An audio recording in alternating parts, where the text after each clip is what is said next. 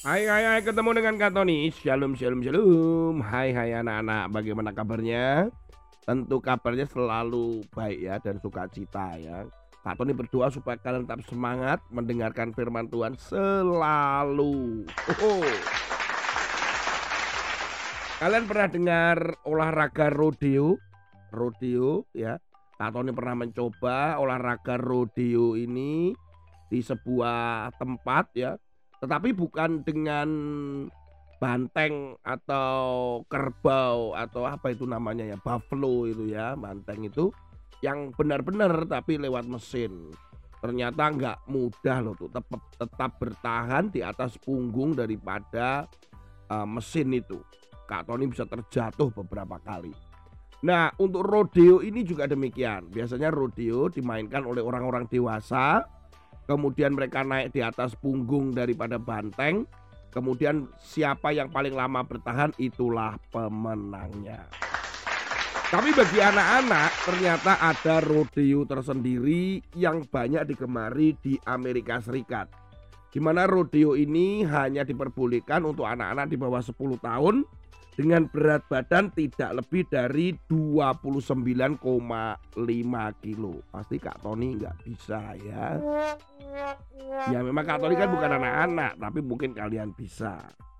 Apa yang dinaiki karena masih anak-anak bukan menaiki banteng, tetapi menaiki domba. Domba itu dinaikin bayangkan. Nah domba itu dinaikin dan anak yang bisa bertahan paling lama dalam satu kompetisi itu dalam satu kelompok dialah pemenangnya. Tentunya tidak mudah ya anak-anak. Pertandingan kompetisi yang bernama Muton Bastin ini secara dokumen itu ditemukan dimulai di tahun 1980-an pada acara The National Western Stock Show di Colorado. Tetapi apakah benar tahun 1980-an? Ya, kita tidak pernah tahu karena itu hanya dokumen saja. Anak-anak yang naik domba ini tentunya menggunakan perlengkapan dipastikan semuanya aman dan nyaman. Tetapi faktanya ketika naik rodeo kan pasti terjatuh-jatuh ya, terjatuh naik domba itu kan tidak mudah. Ada yang giginya lepas, ada yang wajahnya jadi lebam, ada yang nangis. nah, siapa yang paling bertahan? Kalian berpikir mungkin akan lama sekali, ternyata tidak. Hitungannya biasanya hanya dalam waktu detik, banyak sekali anak-anak yang terjatuh. Ada yang 20 detik, ada yang 22 detik, semuanya terjatuh. Karena domba itu ketika dinaikin dia akan lompat-lompat dan lari ke sana kemari sekuat pegangannya pun itu mungkin sangat sulit sekali. Ada orang yang sampai membuat sekolah khusus untuk anak-anak bagaimana mereka nanti akan bertanding di dalam Muton Bastin. Demikian kompetisi itu namanya adalah Muton Bastin. Tetapi setiap orang tua yang akan membawa anak-anaknya untuk berlatih harus membayar 65 dolar. Kalau dirupiahkan ya kurang lebih hampir satu juta loh itu ya. Untuk sekolah bagaimana mengajarkan mereka untuk berani tidak nangis, bagaimana memegang dombanya, pegangan yang benar. Dianggap sekolah ini menghasilkan uang dan cukup membuat banyak orang tua datang. Orang tua ingin anak-anaknya itu jadi lebih berani. Tidak hanya laki-laki, ternyata juga perempuan. Anak-anak memang ini acara yang unik sekali karena di Amerika sekarang uh, banyak sekali tiap tahun selalu ada acara namanya rodeo. Dan itu ada di beberapa kota bagian atau negara bagian di Amerika, bisa di Colorado, bisa di Texas, bisa di mana saja. Selalu ada yang namanya muton bastin untuk anak-anak. Wah, menarik sekali ya anak-anak. Tapi yang namanya domba itu dipegang ketika kita semakin berusaha menggunakan kekuatan kita untuk menahan supaya kita nggak jatuh, ternyata tetap jatuh juga.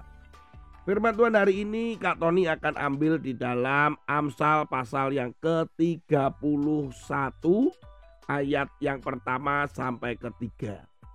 Inilah perkataan Lemuel, raja Masa yang diajarkan ibunya kepadanya. Apa yang akan kukatakan, anakku, anak kandungku, anak nasarku?